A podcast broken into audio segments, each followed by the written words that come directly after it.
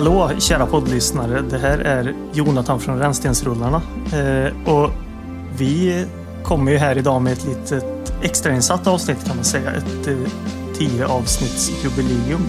Med mig har jag som vanligt Andreas.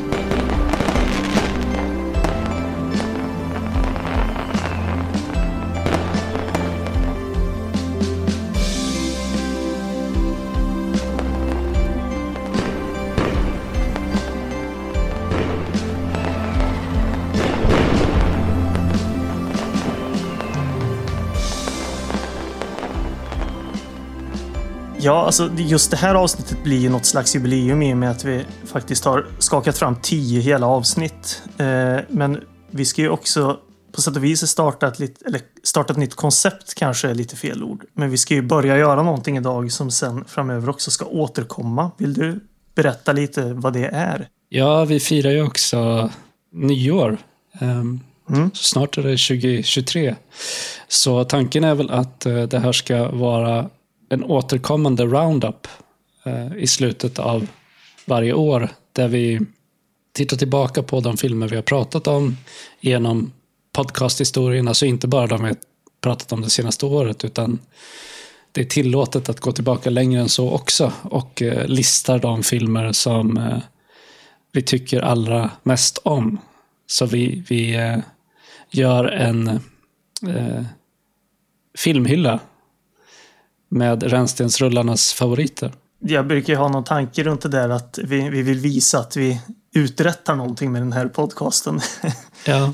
vi, vi pratar ju givetvis eh, om de filmerna vi tycker mest om och så i de separata avsnitten. Men det är också kul att kunna sammanställa en lista och som vi sen då kommer utöka en gång om året. Där vi ändå lyfter fram de filmerna vi tycker är allra bäst. Eller bara de vi tycker mest om och känner att vi det här är de filmerna som vi verkligen vill lyfta fram som vi har pratat om. Mm. Som man verkligen bör söka upp och se. Eller kanske till och med eh, går tillbaka och petar bort någon film från listan som jag lagt till eh, tidigare för att vi har sett den igen och upptäckt att ja, men det kanske inte var så bra trots allt. Eh, så vi, vi, långsamt så bygger vi en hylla av eh, bortglömda och förbisedda filmer som vi tycker är de som allra mest förtjänar att lyftas upp ur rännstenen. Precis. Och det, jag vet inte om vi har spikat något namn för det här än, men det är väl något i stil med rännstensfavoriterna. Eller något i den stilen. Men precis, det, jag har ju också tänkt på det där att det kan ju vara så att man ser om en film som vi pratade om i avsnitt två nästa år till exempel och inser att ja men fan den där är ju verkligen en höjdare liksom. Mm. Och att man då vill stoppa in den i, i den här listan också. Eller hyllan eller Rännstensrullarnas kanon. Eller vad man nu ska, ska kalla det för. Jag har ju eh, som mål också att faktiskt köpa på mig alla de här filmerna som vi kommer fram till ska vara på vår filmhylla och, och ha dem i fysisk form. Mm. Så det kommer också vara ett, ett pågående projekt för mig att, att leta reda på dem i utgåvor som jag vill ha och sådär. Mm, ja, det är väldigt kul faktiskt. Eh, jag kan säga att jag äger ett par i alla fall tror jag av de filmerna jag ska ta upp idag. Har jag redan i på något slags format i alla fall. Så, så nej, men det där är, det är kul. Då får man ju en, en faktisk filmhylla med de filmerna vi har valt ut. Ja, för alltså jag har ju mer och mer börjat gå mot att de filmer som man vill ha i fysisk bemärkelse är inte nödvändigtvis ens favoritfilmer som är de mest kända filmerna. Det är nästan roligare att ha lite mer obskyra grejer. Ja, absolut. På DVD eller VHS eller vad det nu är. Mm. Som den här, eh, jag la ju upp ett Instagram-inlägg eh, förra veckan tror jag det var, om eh, filmen Lone Hero. Med Lou Diamond Phillips i en av huvudrollerna. Mm. Och det var en riktig kanonrulle som bara var liksom inköpt på ren chans för 10 spänn på någon sån här second hand-butik. Och den är jag jätteglad att jag äger nu. Jag blir glad av att se, se den här filmen. Liksom. Ja, men Stå bland mina filmer. Precis. Det, och det där är ju härligt liksom. Jag menar, jag har ju många fina utgåvor men av filmer som jag inte tycker så jättemycket om.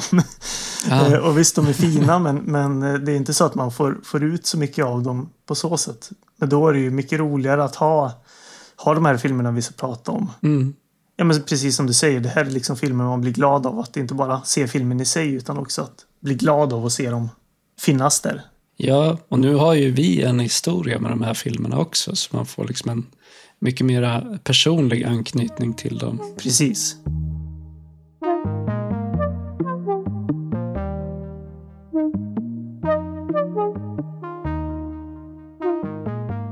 Vi har var och en på sitt håll eh, valt ut de filmer från de här tio avsnitten som vi har gjort eh, som vi tycker är de allra bästa och som vi vill lyfta fram extra. Eh, och jag vet inte vad Jonathan har valt för filmer och Jonathan vet inte vad jag har valt för filmer. Så det blir en överraskning för oss båda. Och sen eh, kommer vi diskutera runt våra val och i slutändan då komma fram till vilka filmer som blir en, en eh, del av den här kanon. Då. Mm. Jag tycker vi kanske ska kalla det någonting med kanon. Det är lite högtravande. Ja, ja men det, det är bra. Härligt. Rännstenskanon. Ja, ja, men eh, för jag tänkte att köra en film var och sen diskutera lite kring det och sen får den andra personen ta en film och så mm. pratar vi vidare. Vi, vi kör i kronologisk ordning. Så ja, alltså kronologi, vår kronologi ska sägas. Vår kronologi, precis. Eh, så utifrån våra avsnitt och inte liksom vilken av filmerna som helst och så vidare. Nej, utan utifrån vilka, vilket avsnitt. Vi går från vårt tidigaste avsnitt till vårt sista avsnitt. Mm. Ja, men precis. Och sen ska vi prata lite grann om vilka kriterier som, som vi har utgått från när vi har gjort våra val. Och det är ingenting vi har kommit överens om heller, utan det har vi funderat eh, kring på varsitt håll också.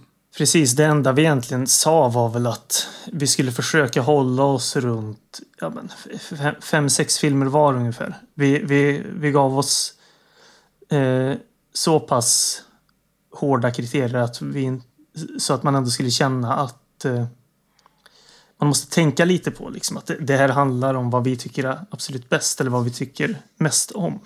Annars är det lätt att man, i alla fall jag som är ganska okritisk av mig ofta när, när det handlar om filmer eller en typ av filmer som jag tycker mycket om. Så, så är det ganska lätt att man, ja ah, men den där är härlig, vi tar den också och så tar vi den där med liksom. Så nu, det, men utöver det så har vi ju inte kommit överens om någonting alls riktigt faktiskt. Mm. Men jag har tänkt mer på det där och du pratade om att du hade valt mycket utifrån filmer som du fortfarande känner att du vill se igen. Mm. Du kan få berätta lite om det där, för jag insåg sen när vi, vi pratade om det nu när vi spelade in sist. Och jag har insett också att det är så jag också egentligen har tänkt, bara att jag inte riktigt har aktivt tänkt tanken så. Nej. Eh, det, det är svårt att eh, veta eh, varför man i slutändan väljer de filmer man gör bland ett gäng filmer som man också tycker är bra. Eh, och när jag har funderat närmare på det så, så kom jag fram till att anledningen till varför jag valt just de här är för att det är de av de filmer vi har sett som jag ser fram emot att se igen. Och som jag tror att jag kommer att ha roligt med igen. Mm.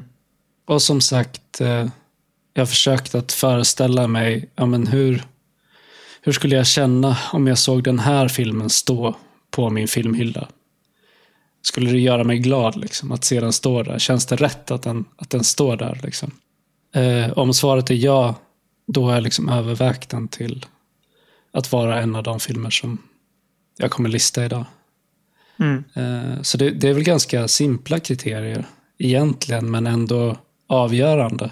För att det finns ju det finns ju några av de här filmerna vi har sett som jag ändå tycker är bra. Men jag har egentligen ingen större lust att se dem igen. Det känns som att jag är färdig med dem efter en tittning. Eh, eller att jag får en känsla att nej, ska jag se den? Ja, den var bra, men det, äh, det där kan jag liksom. Mm. Så det, det är det jag har utgått från när jag har valt mina filmer. Ja, precis. Och det, jag har in, känt att jag faktiskt har tänkt lite likadant. Även fast jag... Det, de allra flesta av filmerna jag har valt till idag kunde jag mer eller mindre, när jag började tänka tanken att vi ska välja ut favoriter så kunde jag säga det utan att tänka nästan vilka filmerna eh, jag skulle välja.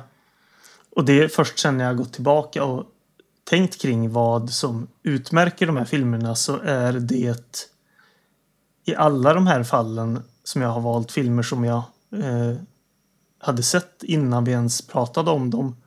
Och det är i alla fallen filmer som jag fortfarande känner att de här vill jag se igen. Mm. Eh, och jag ser fram emot att se de här igen. Jag kan ju exemplifiera med en film som jag inte har med till idag. Det är ju eh, filmen Running Scared till exempel. Som jag tycker jättemycket om. Som jag betygsatte väldigt högt.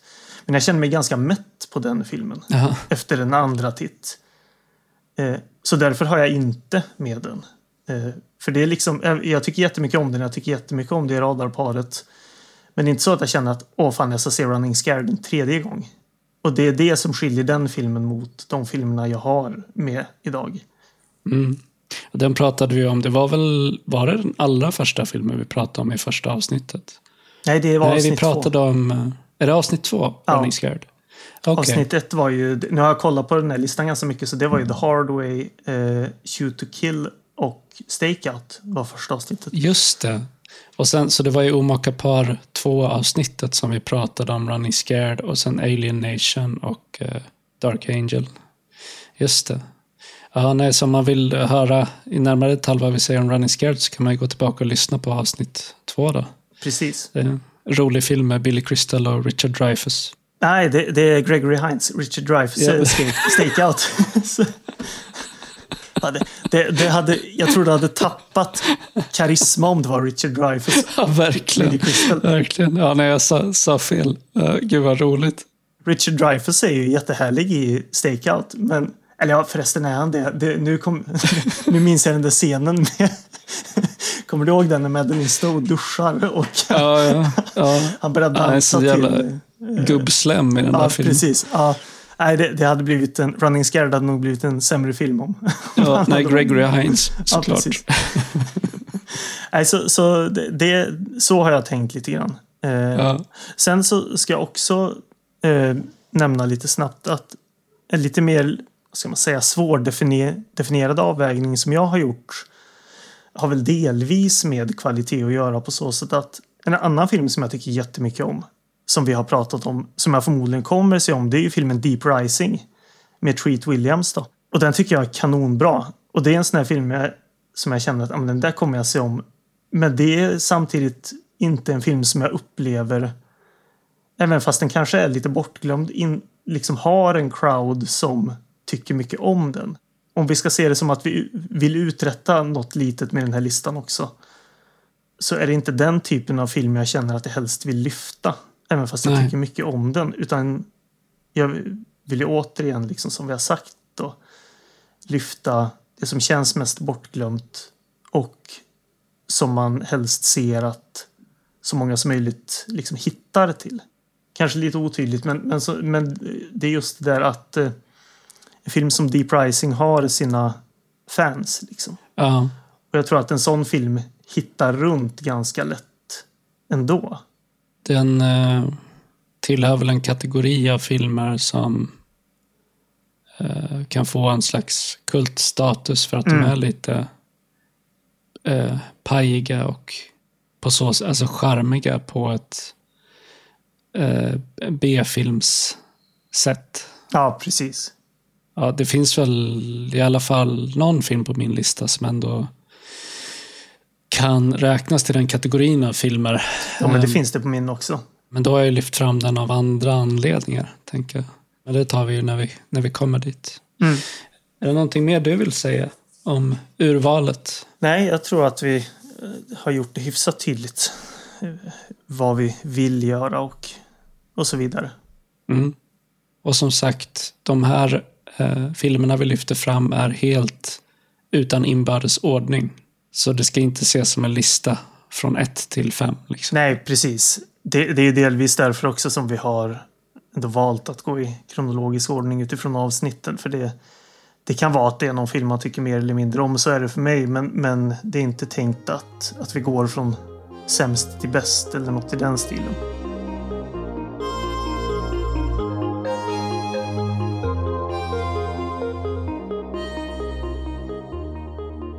Den första filmen som jag har valt är Dark Angel från avsnitt två. Mm. Uh, är den med på din lista? Nej, det är den inte. Den är inte uh. det? Nej. Uh, det här är ju en film då som, som nog kan klassas som samma typ av film som Deep Rising. Jag tänker att en person som gillar en film som Deep Rising kommer förmodligen tycka att Dark Angel är rätt härlig också. Mm. Eh, men det som gör Dark Angel så speciell, i alla fall för mig, är att den innehåller så mycket. Eh, den har så många olika delar som ändå som, som inte borde passa ihop, men som på något konstigt sätt i just den här filmen ändå gör det. Mm. det, det, det dels en buddy cop-film med ett omaka par som ska utreda liksom en mordhistoria. Eh, och sen mitt i allt det här så visar det sig egentligen handla om aliens som kommer till jorden för att skörda endorfiner från människor som de sen ska sälja som knark på sin egen hemplanet och en, och en intergalaktisk polis som, som jagar sådana här knarklangande aliens. Då. Och i korselden hamnar då Dolph Lundgren och Brian Benben och är eh, allmänt förvirrad över vad det är för typ av, vad det är för typ av, av uh, brott de egentligen utreder. Mm. Uh, och det finns en massa härliga sidokaraktärer. Det finns ett jättespeciellt liksom, maffiagäng som, som eh, består av en massa vita män i kostymer som de kallar sig white boys liksom. Och de bryr sig bara om sitt yttre och om att inte få blod på mattorna. Och så, han har en liksom flickvän som är eh, obducent och uppenbart liksom fetischiserar sitt, sitt arbete. Ja. det, är så här, det är så många, en, en galen vetenskapsman som dessutom är knarkare och så här superspeedad och hög på amfetamin eller någonting när de försöker få hjälp av honom. Och det är liksom flygande CD-skivor som hugger huvudet av folk. Det är så, så många konstiga detaljer i den här filmen och väldigt mm. rolig dialog stundtals. Och, jag tycker att det är Dolph Lundgrens bästa roll. Mm. Så, så den här, det här är en film som jag nog aldrig kommer tröttna att se på, tror jag. Den är, den är pajig som fasen, men det är en, det är en väldigt bra film. Ja, jag, jag skriver helhjärtat under på det. Eh, att den här åker in på listan. Eh, det är så kul för när du räknar man blir fortfarande förvånad när du räknar upp olika element i den här filmen som jag återigen liksom hade glömt bort att ja just det, det är ju det också. Plus den här Terminator sidostoryn som är med. som, så konstig cyberpunk eh, alien estetik. Precis. Det, det, det, finns ingen det finns ingen riktig logik i det här och det är det Nej. som gör det så, så härligt. Eh, att man har verkligen kastat med så många idéer som möjligt. Och eh, att det funkar. Ja, på något konstigt sätt funkar det ändå. Och jag tror att det har mycket att göra med att, att många av karaktärerna är väldigt underhållande eh, att titta på. Så att den här övergripande storyn spelar i slutändan inte så jättestor roll. För den är ju, den är ju orimlig på så många plan. Mm. Det, det, är så här jag önskar att eh, det mesta av ren underhållningsfilm skulle vara. Mm. Att det är bara ett jäkla, jäkla show liksom. Så fyr, fyrverkeri av karaktärer och action och ja, men, härlig dialog och konstiga, udda detaljer och bara massa fantastik. Jag gillar det. Ja, det, precis. Att man, vad är det man brukar säga? Att det är liksom inget fett på den på köttbiten som är Dark Angel. Liksom. Utan det, det är eh, liksom 90 minuter ren underhållning. Och det är så skönt att, eh, att se, hitta den typen av film som är eh, som bara flyter Mm. Och har alla de här skruvade detaljerna som, som är så underhållande. Och det behöver inte vara mer än så. Nej. Men sen med det sagt så är det ju inte som att eh, man får ju inte blanda ihop liksom en B-film med att den skulle sakna kvalitet. För precis som du säger så är ju Dolph Lundgren bra, alltså, bra på riktigt här liksom. Ja, Det ja. här är ju den typen av roll som han fick göra lite grann men borde ha fått göra mer kan jag tycka. Mm. Jag tror att självklart tack vare hans insats som Ivan Drago så fick han ju inte riktigt Terminator-roller men han fick ju liksom stoiska actionhjältar som inte skulle prata så mycket om man har sett Red Dragon höll jag på att säga. Det heter den inte. Red Scorpion finns det en gammal, Mm. gammal actionfilm som heter. Den är ju kul men, men man får inte så mycket av Dolph Lundgrens liksom charm där. Som man absolut har och som verkligen kommer fram i den här filmen.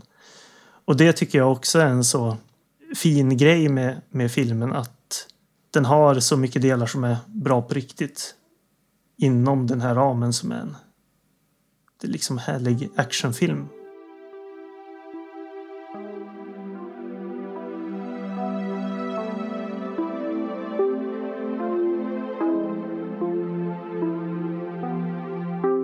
ja, så vill du ta din, din första film? Mm. Då ska vi gå ett avsnitt framåt till avsnitt tre då, vårt första försenade halloween-avsnitt som i, princip släpptes för ungefär ett år sedan kan man ju säga nu. Eh, Ja. ja, eh, mer än en månad fram eller tillbaka. och, och den första filmen jag då solklart kan jag säga eh, tänkte att jag vill ha med på den här listan. Det är The Mothman Prophecies från 2002. Jag har med den på min lista också. Ja, vad kul. Det här pratar jag om i avsnittet. Och det är också anledningen till att jag har med filmen på den här listan. Det är för den här filmen har den där känslan som jag fortfarande söker efter i Mm. film. Och som jag då tyvärr får avslöja nu ett år senare att jag inte har hittat fortfarande. Eh, det är något speciellt med den här filmen som jag eh, verkligen vill återvända till gång på gång. Du skulle testa att se den här Moloch som jag pratade om för, Ja, just det. eh, jag tror i, i Rapport från rännstenen avsnittet som vi gjorde för ett par månader sedan.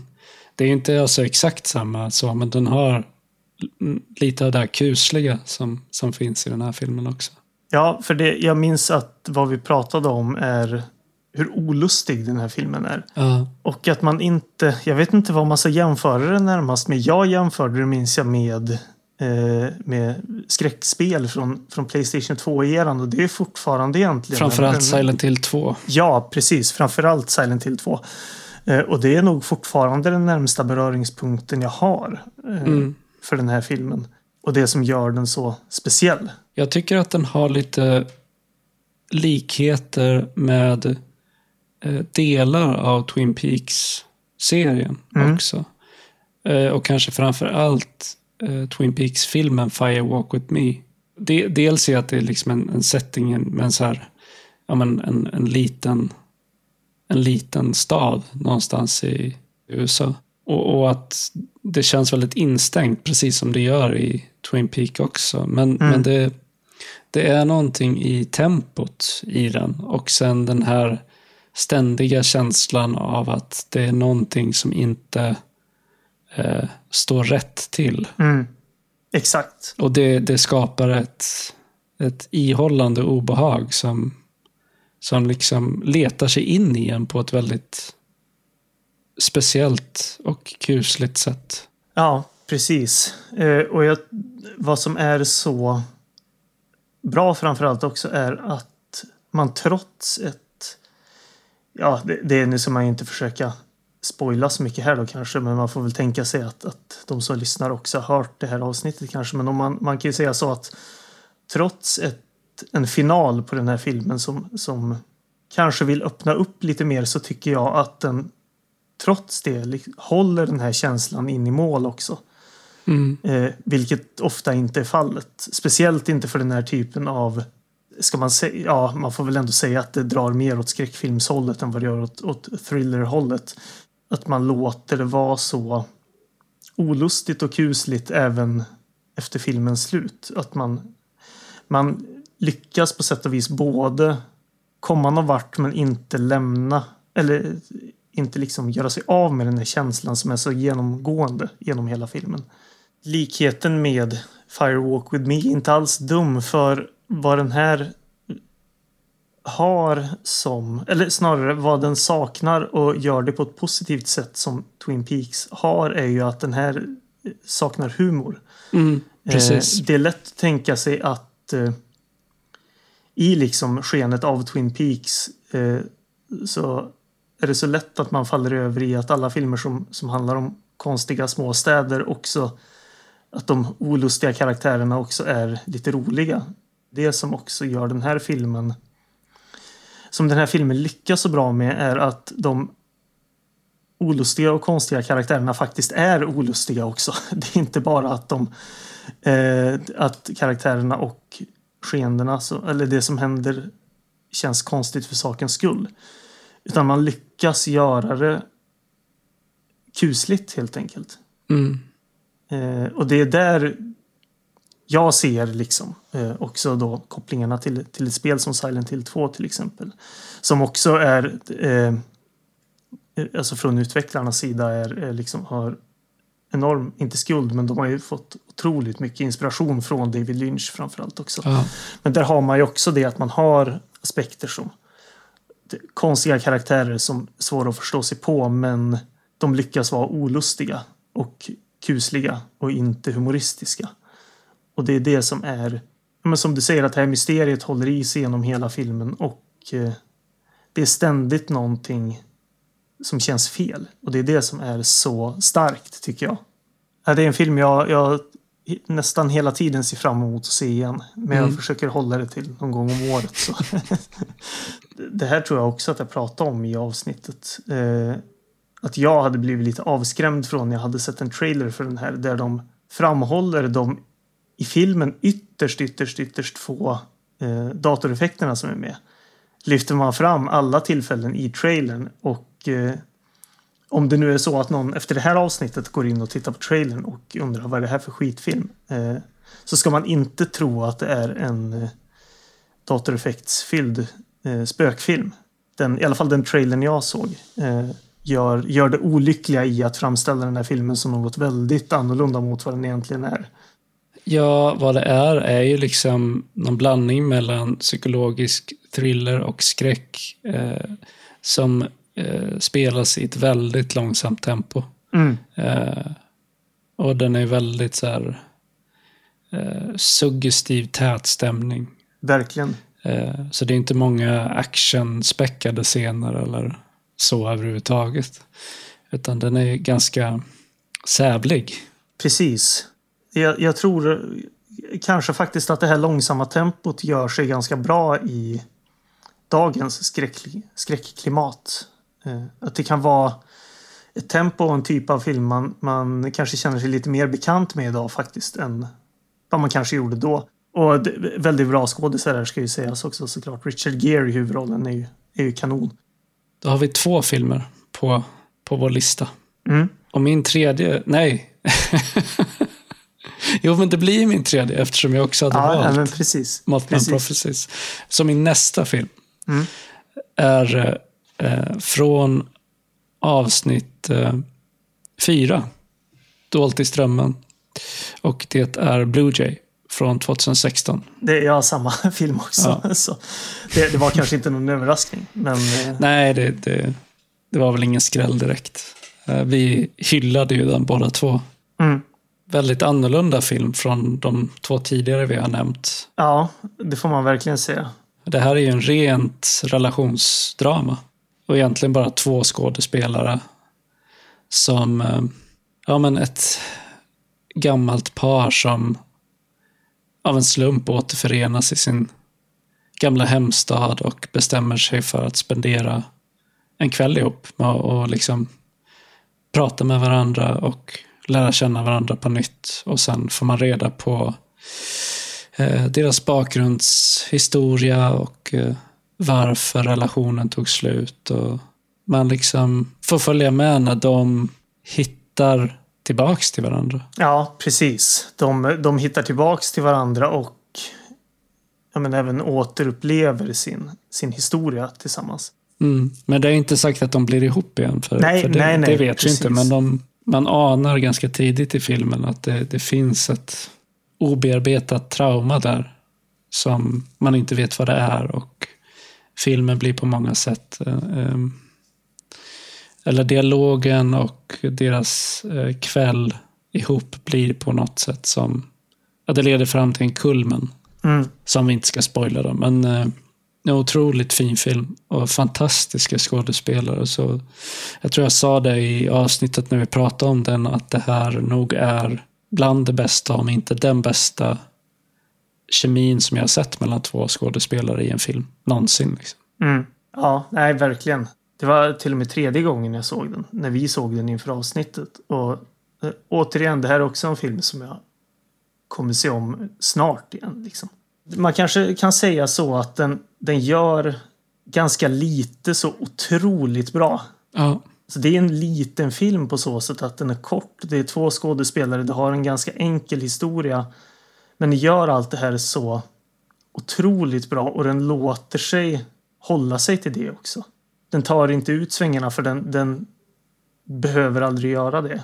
Eh, och man känner att, ja, men som du säger, att den är, kemin är liksom fantastisk mellan de här två skådespelarna. Då Sarah Paulson och eh, vilken av Mark Duplass är det? Eh, det? Den är ju fantastisk. jo, nej, men man tycker om att vara där tillsammans med det här paret. Och egentligen så, det händer ju inte så mycket i filmen. Nej, nej men precis. Det är ju det som är, är grejen att eh, man med så små gester lyckas måla upp en så stark historia. Och det har ju med, det är ju, är ju helt och hållet tack vare de här två skådespelarna som, som gör det här så bra. Man har ju sett liknande filmer med sämre skådespelare Mm. Eh, som blir ganska uselt. Det ska liksom inte missas hur mycket det gör för filmen att den inte är... Det låter som en fånig grej att haka upp sig på att den skulle vara kort.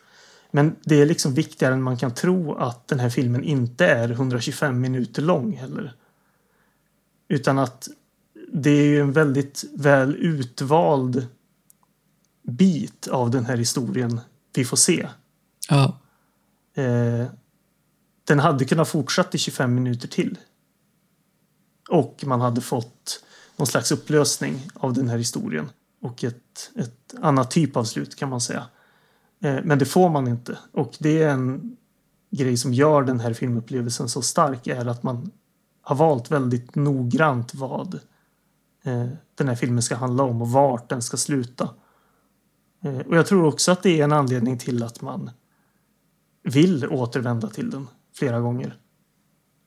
För det känns som att man, man liksom landar på den här lilla biten i den här historien. Och resten får man bara tänka på själv. Mm. Jag tror säkert att jag sa någonting om det i avsnittet att eh, jag skulle önska av filmer att eh, de vågade vara korta Mm. på samma sätt som Blue Jay är kort. För att många filmer skulle tjäna på att vara kortare.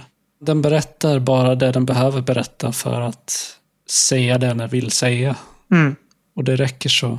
Allting är så komprimerat och, och perfekt i det avseendet. Ja, verkligen. Man lyckas bygga en så naturlig eh, liten relation som man tittar på. De är ju olika som personer de här två. Så det, även fast man inte vet vad så, så kan man ändå hela tiden tänka sig lite att ja men är det någonting man inte riktigt får veta här? Mm. Jag tror att många missar den här för att eh, det pratar vi om i det här avsnittet när vi läste lite synopsis på, på Netflix. Hur, hur soppiga filmerna ofta kan, kan framställas som. Mm. Eh, och jag tror att det kan vara att många kanske har skippat den här om man överhuvudtaget har stött på den på Netflix. Att man får den att låta soppig och tvärtom skulle jag säga. Att den är väldigt långt ifrån en vanlig liksom kärlekshistoria.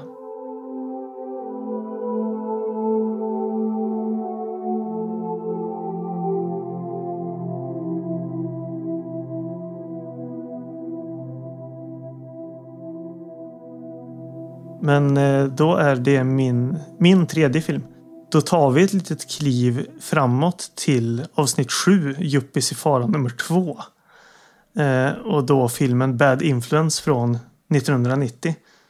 Ja, jag har den också. Ja, ja men det, det, är ändå härligt att vi är samstämmiga. Ja. Det, det, kan, det kan vara att vi, vi... Du har ju eventuellt någon film mer än mig, så jag, jag tror att vi kommer, kommer... Eh, är det här din sista film? Nej, jag har en film till sen. Så jag har fyra och så har jag några bubblare. Men eh, det, det, är ju inte någon jätteöverraskning kanske att vi är ganska sam, samstämmiga hittills också. Vi har ju ändå pratat om de här filmerna tidigare. Så. Ja, ja, precis. Men jag tycker ändå att det är, eh, det är bra att vi är samstämmiga. Ja, ja, precis.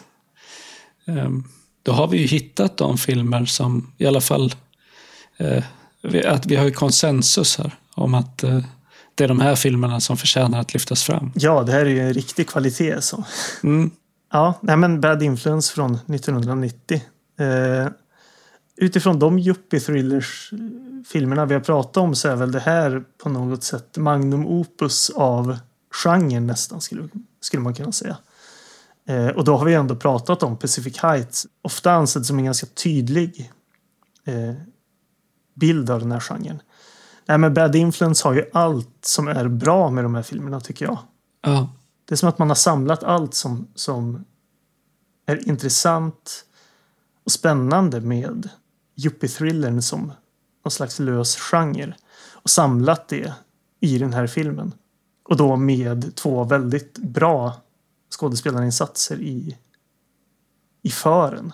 Framförallt med, med liksom James Spader som ja, spelar rollen han är skapt för att spela nästan. Ja. Och Rob Lowe är ju väldigt bra som den här eh, diaboliska eh, snubben som kommer in i James Spaders liv och ställer till det för honom. Ja, men precis som någon slags demon som, som dyker upp för att testa honom. Eh, mm.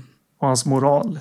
Ja, jag tycker att den är bra av ja, men precis de anledningar som du tar upp, men också för att eh, det är en film med ett bra manus och, och en intressant berättelse med, med ganska mycket undertext.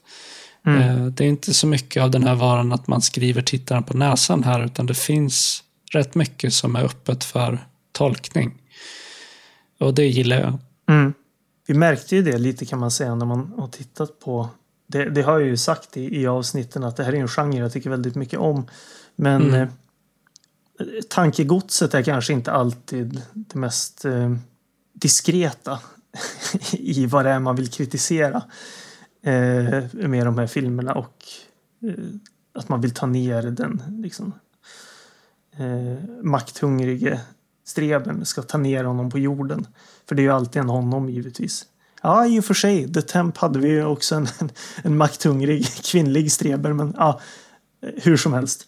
Eh, det finns ju lite i den här filmen också, men man blandar också det med mer, ja, men mer otydliga undertoner i den mån att man får tänka lite själv också.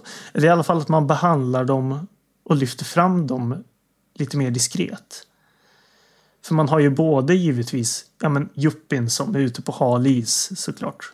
Eh, han vill, vill få ja, men som alltid i de här filmerna jobbar sig högre upp i företaget och han gör allt han kan för att lyckas med det och han ute på hal is. Men sen har man ju också den här demonlike figuren som, som man nästan ibland undrar om han finns på riktigt eller inte.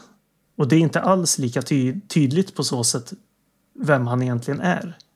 Precis, det är, en väldigt faustisk berättelse mm. i, på så sätt att uh, James Spader då, eller hans karaktär, uh, gör en pakt med någon slags demon.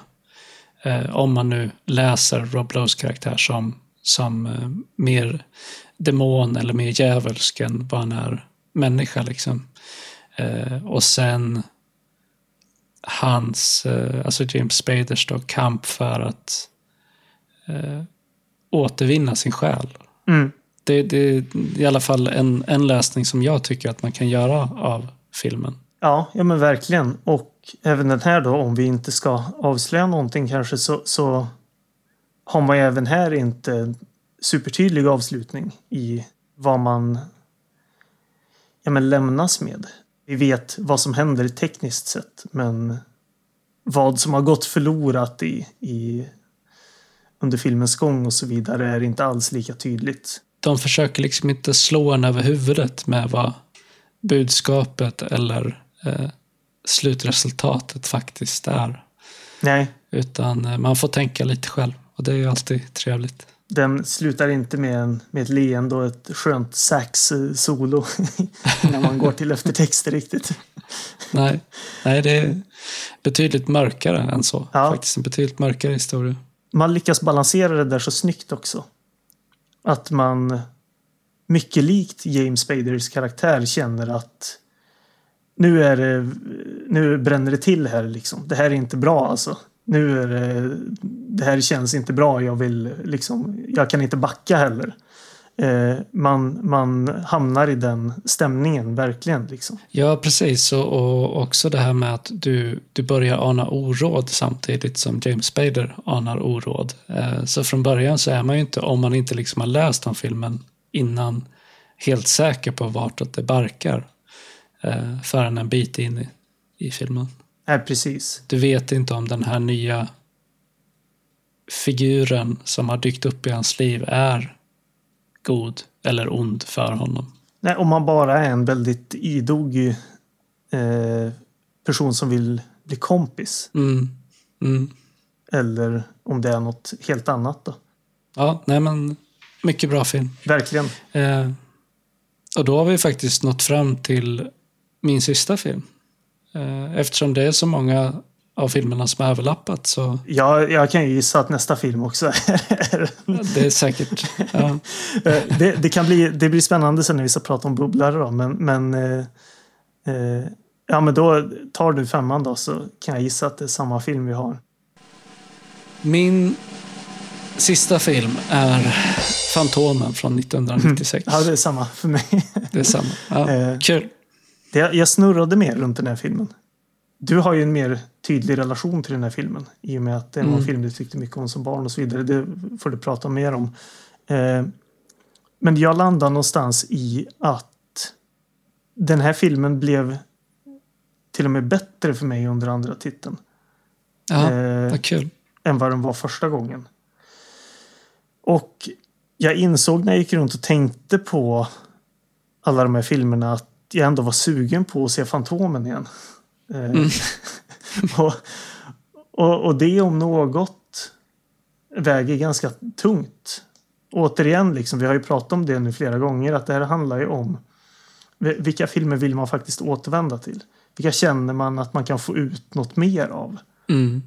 Och jag, det känns fortfarande som att det finns liksom fortfarande något kul att ta del av genom att titta på Fantomen flera gånger, tycker jag. Ja, jag tror att du kallade den för en kompetent äventyrsfilm Mm. när vi pratade om den. Och det är ju precis det den är. Det är en väldigt bra äventyrsfilm.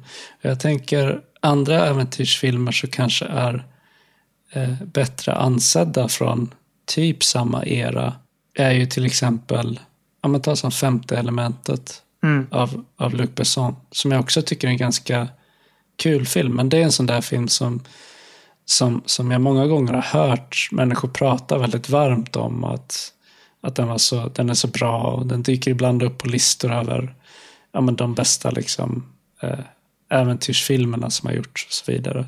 Jag tycker att Fantomen är en bättre film än Det femte elementet.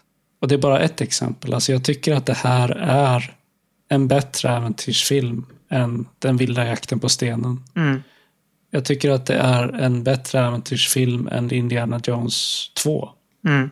Eventuellt att jag tycker att den är roligare att titta på än första Indiana Jones-filmen också. Även om jag skulle säga att Indiana Jones eh, är en bättre film objektivt sett. Men jag har alltid kul när jag tittar på Fantomen, även som vuxen. Mm. Den är väldigt välproducerad. Det är otroligt fin, fina scenerier. Det är bra skådisar.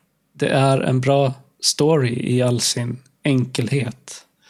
Eh, Den här kampen mellan gott och ont. Och, och intressanta miljöer. Och intressanta miljöskiften också. Mm. Eh, Så du hinner aldrig liksom tröttna på filmen innan den drar vidare till någonting nytt. Och det är väl det man önskar sig av en äventyrsfilm.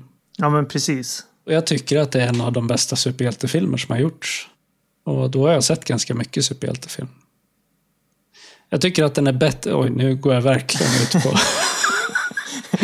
på, på hal is på, på slak lina här. Men jag tycker att den är bättre än i princip alla moderna Marvel-filmer som har gjorts. Ja, men det kan jag säga med en gång. Trots att jag bara sett inte ens en handfull av dem. Men det, den här har ju...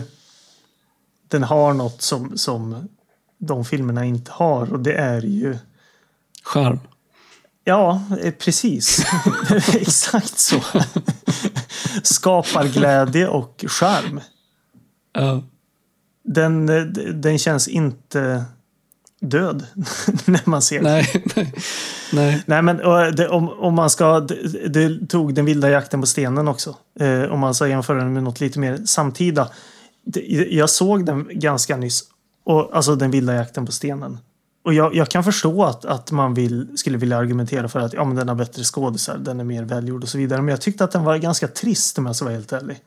Mm. Eh, alltså, en äventyrsfilm kan vara dyr och snygg och ha jättebra skådisar. Men är den trist så har den ju ingenting liksom.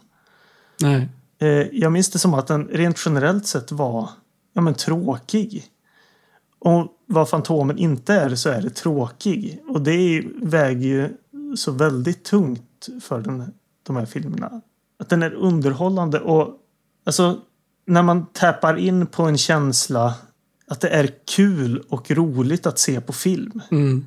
Det kan låta konstigt men det är inte så ofta som man kan tro som man, man ändå landar i den känslan. Nej. Eh, filmer kan vara bra om man kan uppskatta dem men sen så finns det också filmer där man tänker fan vad bra det här är liksom. Eh, och det är något helt annat ibland. Ja det är det. När man landar i det och där tycker jag att Fantomen landar för mig. Att man tänker sig fan vad härlig den där var. Liksom. Ja, Nej, men verkligen. Och det är eh, en väldigt liknande känsla som jag har för Dark Angel. Mm. Och egentligen så har jag valt Dark Angel och Fantomen på liknande premisser. Eh, med vissa gradskillnader för att Fantomen ser mer som en renodlad äventyrsfilm i samma anda som Indiana Jones. Liksom. Och i den skolan av filmer så tycker jag att det är en av de bästa filmer jag har sett. Mm. Alltså i jämförelse med andra filmer i samma genre. Ja, men det, det är verkligen sant det här att man kan tycka att en film är bra och eh, sådär, men det är ändå någonting helt annorlunda från att känna att en film är kul mm.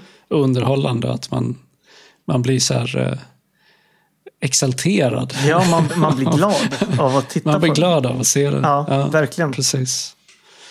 Eh, en slags barnslig glädje. Mm. Eh, som inte, jag menar, det har väl delvis att göra med att, att jag även har liksom en varm nostalgisk känsla för den här filmen. Men jag tror faktiskt att jag hade känt någonting väldigt liknande för den även om jag inte hade sett den som barn. Men alltså, jag har ju ingen eh, nostalgisk relation till den. Och den funkar ju för mig också. Ja. Så absolut.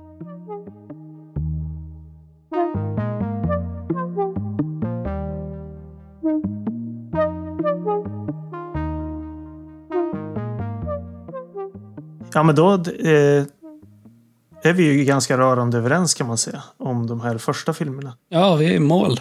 Och jag, som sagt, jag hade inte med Dark Angel, men jag skriver helt och hållet under på, på dina intryck av den filmen och jag håller, håller med dig.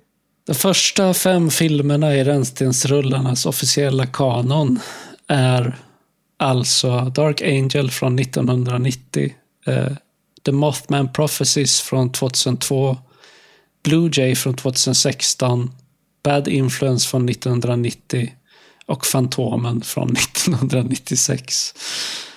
Eh, det här är filmer som Rännstensrullarna skriver under på eh, är riktiga höjdarfilmer. Ja, stamp of approval är det på de här filmerna. Verkligen. Och jag blir väldigt glad av också när man ser den här att det är en så, precis som jag har velat hela tiden med den här podcasten, att det är en så spretig blandning av filmer som jag tycker att vi ska sikta på. Men det är det vi är bra på. Det, det, det som du och jag har gemensamt också, att vi är så spretiga. Ja, ja men precis. precis. I, I vårt tycke och smak. Mm. Och, och, i våra intressen. Det, och det, ja, nej, men det, jag håller med. Det är precis så jag vill ha det också. Ja, bubblare då. Du, hur många hade du som du vägde runt? Alltså jag har väl, jag har väl egentligen två bubblare. Ja, det är samma för mig. det är inte så att jag känner superstarkt. Alltså det var aldrig tal om att jag skulle ha dem istället för någon annan film på den här listan. Utan det här är väl snarare filmer som jag kanske vill eh, bara nämna att det ändå var, var väldigt bra filmer. Eh, vill du börja då? Jag hade ju min sista film där, Mm. Fantomen. Jag, kan, jag ska ta den filmen som jag har vägt och vridit på mest sista. Jag kan ju börja med bara att nämna filmen Outside In från eh, även den från avsnitt 4 Dolt i strömmen och den tycker jag är väldigt, väldigt bra också. Mm, den hade jag med bland mina bubblor också. Ja, eh, och den kan man definitivt argumentera för att den är mer bortglömd än, än några av de andra filmerna här. Men där kände jag helt enkelt bara att jag vill eh, man skulle kunna säga så att i och med att filmerna i det avsnittet även inkluderat då Mustang Island, fast den inte riktigt kommer i närheten av hur bra de här två andra filmerna är, så var kvaliteten i det avsnittet så pass hög får jag ändå säga vad det gäller filmerna att eh, eh man, jag då kände att jag ändå, nej men jag ska ta det som är absolut starkast av de här, även fast det håller Outside In väldigt högt också. Så det var det, men för mig så var det egentligen ingen tvekan om heller att det var Blue Jay som först och främst skulle in. Sen var det snarare bara om man kände att man ville ha ytterligare en film ifrån det avsnittet. I och med att de ändå är så pass bra. Jo, men det är väl det avsnittet eh, där vi har pratat om bara bra filmer. Ja, precis. Det var ingen kalkon liksom, eller ingen som kändes som en medioker film, utan alla tre är bra. Ja, och det, det är väl lustigt nog kanske det avsnittet som jag tycker alltså är bäst på så sätt att det har varit roliga. Alltså, det är ett sånt avsnitt jag har känt att eh, att man verkligen har gjort, nej jag vet inte, alltså gjort gott höll jag på att säga. nej, men det, det, jag tycker det är ett av våra bästa avsnitt och det är också då lustigt att det är väl fortfarande det som har absolut sämst lyssnarsiffror. Ja, det är... det, är, så- det finns något tragiskt i det, att det är avsnittet med de absolut bästa filmerna är det som, som liksom minst har lyssnat som på. ingen vill höra. Ja, precis. Det är något, det är något deppigt men, men ändå fint i det på något vis. Jo, precis. Det, det går väl i linje med vad den här podden handlar om. Ja, ja men verkligen, verkligen. eh, man får hoppas att eh, fler hi- hittar tillbaka dit. För som sagt, Mm. det kanske inte är det bästa avsnittet vi har gjort. Men eh, det kanske är det avsnittet som har mest koncentrerad kvalitet Ja, det är det. vad det gäller Det filmer. är alltså avsnitt fyra, Dolt i strömmen. Ja, precis. Då, men jag kan ta min, min andra då, för jag hade ju dels uh, Outside In, men sen min andra bubblare är Mustang Island. Mm. Eh, och anledningen till det är, ja men jag tycker att det är en bra film. Men sen satt jag också och funderade på de här tre filmerna, Outside In, Mustang Island och Blue Jay. Och jag vill minnas det som att jag eh, listade dem liksom i ordningen, alltså i vilken av dem som jag tycker är bäst. Som eh, Blue Jay, Outside In och sist Mustang Island. Mm. Men när jag tänker tillbaka på det, så här, ett år senare, eller nej, ett, eh, när var det? Det var, Var det april Vad är någon för- gång ja det var det. Så, ja men, Ja, det kan lika gärna vara ett år sedan, känns det som. Ja, precis. Men i alla fall när jag tänker tillbaka på det så, så är det Mustang Island som jag minns med större värme och glädje än Mm. Outside In. Och som jag skulle se fram emot att se igen. Outside In har jag inte sådär jättestor lust att se igen. Det, det känns som att ja, men det var en sån film som jag kände mig rätt klar med. Men Mustang Island, är så här, ja, men den skulle vara rätt trevlig. Den var ju rolig. Liksom. Ehm, och att jag nog skulle tycka att den var kanske ännu roligare en andra gång jag ser den för att jag vet vad som väntar mig. För den är så väldigt speciell. Ja, verkligen. Det, det är kul för min andra bubblare är då filmen vi inte har pratat om från eh, ja, Omaka par del 2. Det är Alien Nation. Ja, ja, vad kul. Precis som du när du säger att du har gått runt och funderat på Mustang Island och tänkt i efterhand att det, att det är den du är sugen på att se om. Så har jag liksom landat i att trots att Running Scared när vi spelade in det avsnittet var den filmen jag tyckte Nej, jag tror faktiskt att, att jag nog landade i att Dark Angel var den bästa filmen då. Men så är det Alien Nation som jag har tänkt mest på, mest sugen på att se om. Och jag, jag tänker så här, fan vad härligt, vad mysig den var liksom. Ja, ja men den hade, jag hade lika gärna kunnat haft med den bland mina bubblor också faktiskt. Men an, anledningen till att jag inte har eh, med den på min lista är att den har jag bara sett en gång och det är en sån där film jag ändå känner att man vill låta den vila en stund och så vill jag se om den igen och se. Så här, håller den? Är den lika mysig andra gången? Eller är man liksom mätt på det redan, redan när man håller på att se den en andra gång? Så i det fallet är det en sån film som kan dyka upp nästa gång vi gör en lista om det visar sig att det verkligen är en film som håller på samma sätt som jag tänker tillbaka på den. Precis, alltså det är en sån där film som det, det känns som att det lika gärna skulle kunna visa sig att äh, den var inte så bra som jag tror att den var. Eller att det skulle kunna visa sig att den får en officiell plats på, på, på vår eh, lista av, av de bästa rännstensrullarna. Eh, men jag behöver se den igen. Så vi får se om vi återkommer till den om ett år då. För antingen är det ju så att, att den är så pass bra eller så kan det också vara att ja, men det var kul för det var härligt. Det var ju poddens linda liksom. Vi höll på, mm. vi sprudlade av entusiasm och så vidare. Nej, men det, det, det var ändå... Det gör vi, det gör vi fortfarande. Ja, ja. ja. Det, alltså, det, det, men att, att i det att den var en del av ett nytt projekt också. Har, det, har den färgats av det till exempel? Det vet man inte. Så, så därför känner man att den vill jag se igen. Och rätt vad det är så är den med på listan. Eller som du säger så inser man att nej fan, det var, den var kul men inte mer än så. Mm. Jag vill minnas att Rasmus tyckte jättemycket om den filmen. Ja, precis. Den var ju speciell på så sätt att eh, den målade en så fin relation mellan den här eh, utomjordingen mm. och den här eh, snuten liksom, som från början skulle vara en sån eh, bigot. Eh, och liksom ganska rasistisk och, och ja, men så trist mansstereotyp. Mm. Eh, och sen rätt snabbt så kom han på bättre tankar och de blev kompisar. Eh, och att det var, det var fint. Verkligen. Och jag läste lite, scrollade runt lite på Letterbox tidigare idag. Bara för att fräscha upp minnet lite och kolla lite recensioner och sådär. Och det där återkommer så ofta med att ja men James Caan är tokrasist och, och mm. han hatar den här utomjordingen. Men jag minns det som eh, det gick ganska snabbt att han eh, vände sig lite därifrån. Och att Eh, det inte alls var ett... Alltså om man ska jämföra med 48 timmar till exempel. Där Nick Nolte är tokrasist och han är det genom hela filmen till sin ganska kass ursäkt på slutet. Att han, ja. nej jag menar inte. så är det ingen som tror på det. Så min, jag minns det som Alien Nation att James Caan eh, spelade kortet en ganska kort stund egentligen. Innan han eh, började mjukna upp. Vilket var en av, som jag minns en av filmens stora fördelar också en film jag definitivt kommer se om i alla fall. Mm.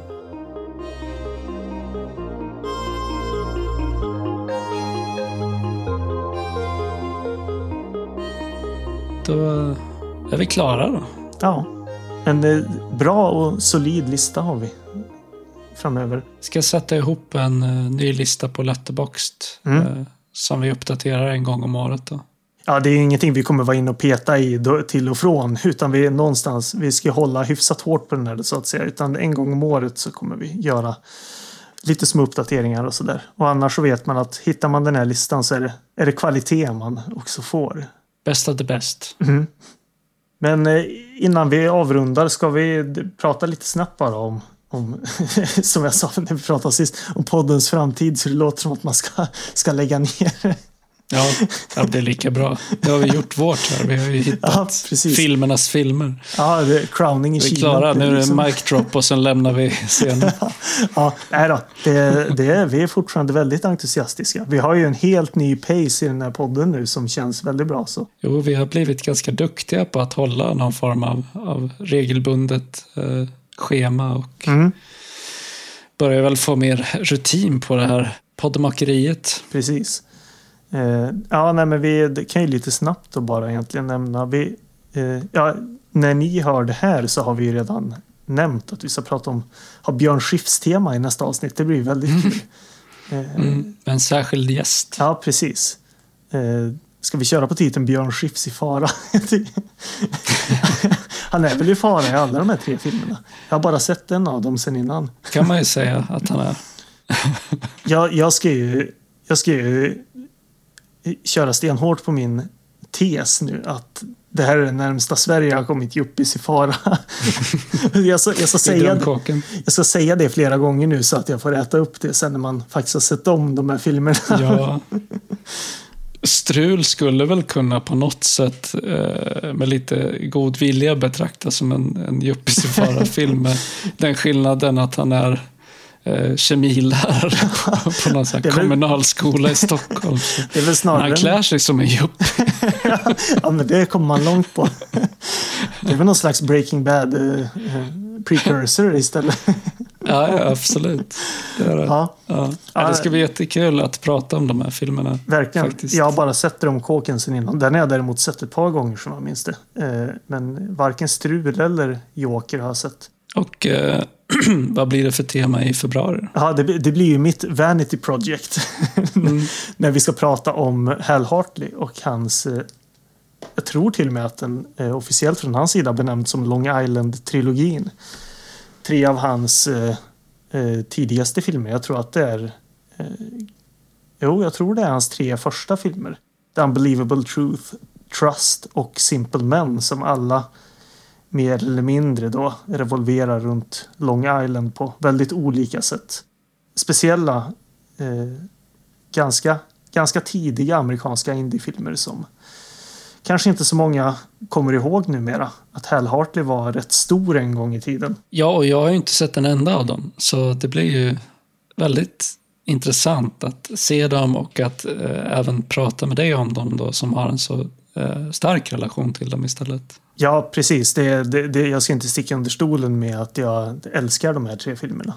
Kanske framför allt två av dem. Vilka de två det är så ska vi återkomma till. Men jag tycker det är så spännande det här för, för när vi pratade om det här sist så jag kan se scenariot att du antingen köper det här helt och hållet men jag kan också se scenariot att du tycker det här är garbage. så, eller ja, kanske inte riktigt så hårt men att du inte, att du inte köper det här liksom. Det funkar inte. Jag kan se både och och det som blir väldigt spännande att det kan verkligen vara ett avsnitt som svänger åt ena eller andra hållet. Kanske vore lite sunt för, för, för podden om med lite eh, hettad eh, meningsskiljaktighet. Precis, eh, verkligen. Och jag tror att om man inte... De är nog lika varandra för att om man inte fixar den här grejen så kan det vara lite kämpigt. Mm. ja. Kan det komma att bli eh, slutet för Rännstensrullarna? ja, ja, när, du, du skiter på Hal Hartley och jag blir förbannad och vi bara bryter helt liksom. ja, vi, vi, vi bryter här ja, precis. Ja, jag menar, det, en av de här filmerna är en av mina absoluta favoritfilmer. Kanske genom tiderna. Så det, det kan, bli, kan bli svårt om, om vi... Ja om vi skiljer oss allt för mycket i, i hur vi ser på de här filmerna. Men det, det blir väldigt spännande. Ja. Eh, och i eh, marsavsnittet så lär vi väl återvända till eh, lite mera, vad säger man, Be bekanta eh, områden. Uh, ska snacka sci-fi. Jag tror en av filmerna vi kommer att prata om är The Wraith med ja. uh, Charlie Sheen. Och sen uh, får vi se vad ja, det blir mer än det. The Wraith, eller Tillbaka till verkligheten som jag såg att den heter på svenska idag. När jag sökt efter eh, recensioner för den också. Det kan vi ju säga redan nu egentligen att det är en kanonfilm. Så ja. om man, liksom, om, om man eh, tänker sig att man vill höra oss prata om den så kan man gärna se den i förväg. För ja, ja, det, det, är en riktigt bra rulle. Alltså. Jag tror att, jag kommer inte ihåg, vi har nämnt den tidigare men det kan vara att vi inte spelar in då. Men att, att jo, jag, men vi har nämnt den ja, tidigare. Det finns i något gammalt avsnitt. Uh, jag tror att som... du har nämnt att du hade sett den och att uh, du tyckte att den var bra. Jag blev så glad att du också gillade ja, den. Precis. Uh, ja, jag, jag tror till och med att jag sa att magen sa fem av fem när eftertexterna rullade. Det var en sån känsla jag hade när, när den var slut. Liksom. Så ja, något runt The Wraith ska vi, ja. ska vi, ska bygga ett avsnitt runt den i alla fall. Så. Mm. Ja, nej, men så det, det, det är poddens framtid för de närmsta avsnitten i alla fall. Så får vi se om det... Vi har ju, eh, vi har ju något slags skräcktema också på, på... Det ligger på i ugnen fortfarande. Mm. Eh, så det, någon gång framöver dyker upp ett rapport från rännstenen med det också. Men det är det som är så skönt med det, för man behöver... Det, hela, hela grejen med det är ju att när vi har något så har vi något och då kommer det ett avsnitt. Och annars så får det vara liksom. Ja, precis. Men våra månatliga avsnitt, de kommer fortsätta komma med regelbundenhet. Ja, ja, Så- precis. Precis. Ja, Nej, men eh, bra jobbat. Vi skålar in det nya året då och eh, ser fram emot att prata eh, massa ny film 2023. Vi kör på. Det gör vi. Vi hänger med. Ja, precis. Ja, Ha det bra så hörs vi. detsamma. Hej då. Hej.